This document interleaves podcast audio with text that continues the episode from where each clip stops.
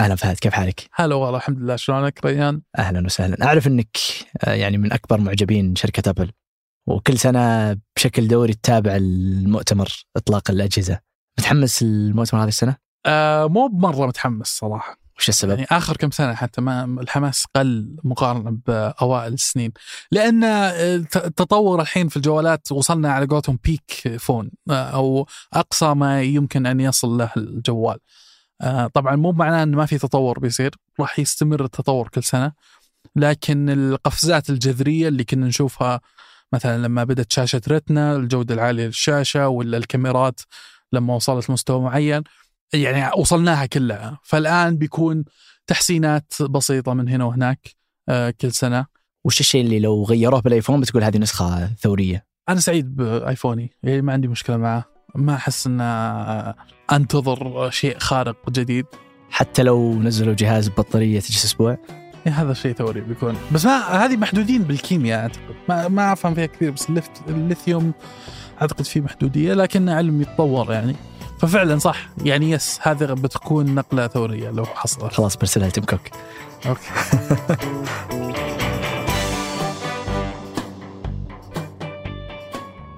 هذا بودكاست الفجر من ثمانية. بودكاست فجر كل يوم نسرد لكم فيه سياق الأخبار اللي تهمكم.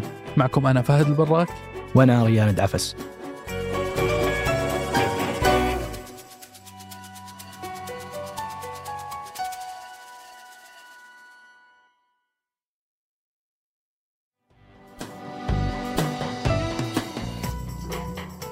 في فبراير 1960 شهدت المغرب زلزال في مدينة أغادير كان الأعنف في تاريخ البلد. فقوة الزلزال كانت بحسب البيانات 5.6 درجة على مقياس ريختر من إجمالي تسع مستويات. ولذلك وصف بأنه واحد من أعنف 100 زلزال في تاريخ البشرية خصوصا وأنه خلف عدد كبير من القتلى والجرحى واللي شكلوا ثلث سكان مدينة أغادير فالقتلى تجاوز عددهم 15 ألف قتيل والجرحى 25 ألف. وساهم الزلزال في تشريد عشرات الآلاف. أما الخسائر المادية فوصلت 290 مليون دولار. بعد أربعة أشهر من الزلزال بدأت المغرب بوضع حجر الأساس للمدينة الجديدة وعيد بنائها وتطويرها من جديد بالكامل في العقود الأخيرة. وبعد مرور 60 سنة من الحادثة شهدت المغرب الأسبوع الماضي واحد من أعنف الزلازل في آخر 100 سنة. فالزلزال اللي شهدته المغرب في 9 سبتمبر تجاوزت قوته سبع درجات في مقياس رختر وضرب عدة مناطق أقاليم في المغرب من بينها مدن رئيسية مثل مراكش ومكناس وفاس وأغادير. ونتج عن الزلزال سقوط آلاف القتلى والجرحى. وتدمير عشرات القرى والمدن وتشريد آلاف السكان. فعدد الوفيات تجاوز حتى أمس 2600 قتيل. وذكرت وزارة الداخلية المغربية أن عدد الجرحى ارتفع لأكثر من 2500 جريح. وتعتبر هذه الحصيلة ما هي نهائية حتى الآن. فعمليات البحث والإنقاذ ما زالت مستمرة. عموما شهدت المغرب عدة زلازل في السنوات الأخيرة. من بينها زلزال في إقليم الحسيمة في 2004 واللي وصلت قوته 6.3 درجات على مقياس رختر وقتل الزلزال 630 قتيل وخلف 900 جريح وتسبب في انهيار آلاف المباني. لكن يبقى الزلزال الحالي هو واحد من أكثرها تدميرا. ويشير الخبراء أن أحد أهم أسباب الزلزال هو وجود المنطقة اللي حدث فيها على الصفيحة القارية التكتونية اللي تغطي قارة أفريقيا. ومع تحرك هذه الصفيحة أسفل الصفيحة القارية التكتونية اللي تغطي قارة أوروبا صار النشاط الزلزالي ومن العوامل اللي زادت من قوة الزلزال هو قرب عمق بؤرة الزلزال من سطح الأرض. هو الشيء اللي ساهم في أن يكون التأثير أقوى وأكثر حدة. وأيضا ساهم وقوع الزلزال في توقيت ليلي من شدة تأثيره. أما السبب الأهم فهو ضعف المباني واللي تفتقر أغلبها لأنظمة امتصاص الزلازل.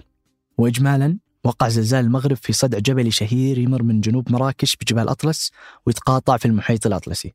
وهو نفس الصدع اللي شهد زلزال غادير في عام 1960 وهو واحد من أشهر أحزمة الزلازل في البلاد. ويعتقد أن من أسباب قوة الزلزال الجديد أيضا هو قلة تعرض هذا الصدع لهزات أرضية متكررة من أكثر من 70 سنة. وبالتالي فإن طاقة الزلزال جمعت من ذاك الوقت وخرجت قوتها كاملة في الزلزال الحالي. فوقوع هزات متكررة على فترات متباعدة تقلل عادة من قوة الزلزال الكبير. والزلزال له تداعيات كبيرة على الوضع الاقتصادي في المغرب. فبحسب التقارير راح تواجه المغرب خسائر تصل إلى 8% من الناتج المحلي الإجمالي. وتشير التقديرات أن حجم الخسائر راح يتراوح بين مليار إلى 10 مليارات دولار. عوضا عن أن الزلزال ضرب قبل أسابيع فقط من ذروة موسم السياحة. هو القطاع اللي يشكل أكثر من 10% من النشاط الاقتصادي. وجه الزلزال ضربة قوية للبنية التحتية في المغرب اللي يبلغ عدد سكانها 37 مليون نسمة واللي كانت محط أنظار المستثمرين في منطقة المغرب العربي. وعموما تحاول الحكومة المغربية أنها تتجاوب مع تداعيات الزلزال بشكل سريع. فأعلنت عن برنامج لإعادة تأهيل المناطق المتضررة وسيرت أيضا الكثير من دول العالم والدول العربية رحلات تحمل مساعدات عاجلة. وأطلقت السعودية وبقية دول الخليج حملات إغاثية للمتضررين. ورغم هذه الإجراءات يعتقد الخبراء أن المغرب راح يحتاج خمس سنوات حتى يتجاوز الخسائر والأضرار. فإعادة الإعمار والإغاثة راح تتطلب 15% من الإيرادات سنوياً.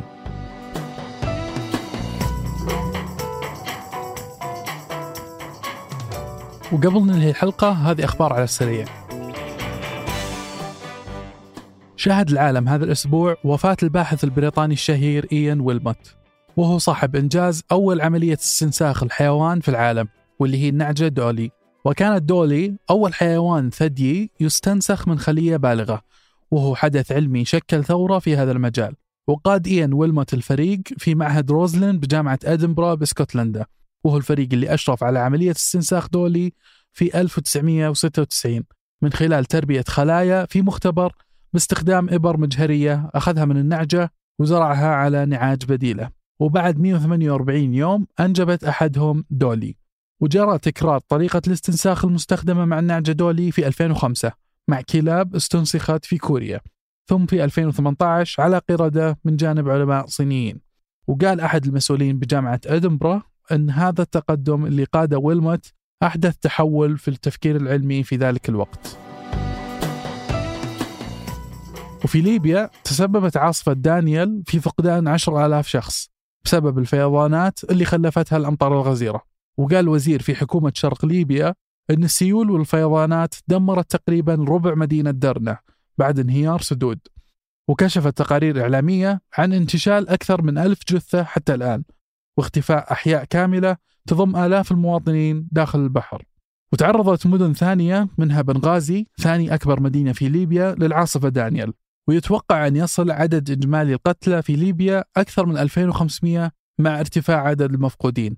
ورفعت مصر درجة الاستعداد القصوى للعاصفة دانيال مع اقتراب العاصفة من بعض المدن المصرية.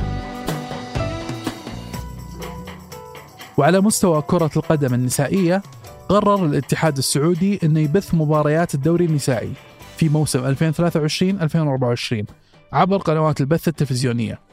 وأكد رئيس الاتحاد السعودي لكرة القدم خبر البث خلال حواره مع المنصة الرياضية البريطانية توك سبورتس وتطرق في الحوار إلى آخر ما حققته كرة القدم النسائية في السعودية وأبرزها ارتفاع عدد أندية دوري الدرجة الأولى من 16 في الموسم الماضي إلى 30 فريق في الموسم الجديد واللي راح يبدأ في نوفمبر.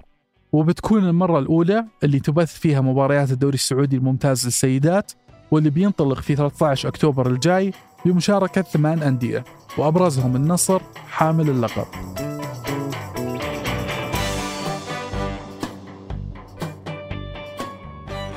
أنتج هذه الحلقة تركي البلوشي وريناد العيسى وقدمتها أنا ريان دعفس وأنا فهد البراك. وحررها محمود أبو ندى. نشوفكم بكرة الفجر.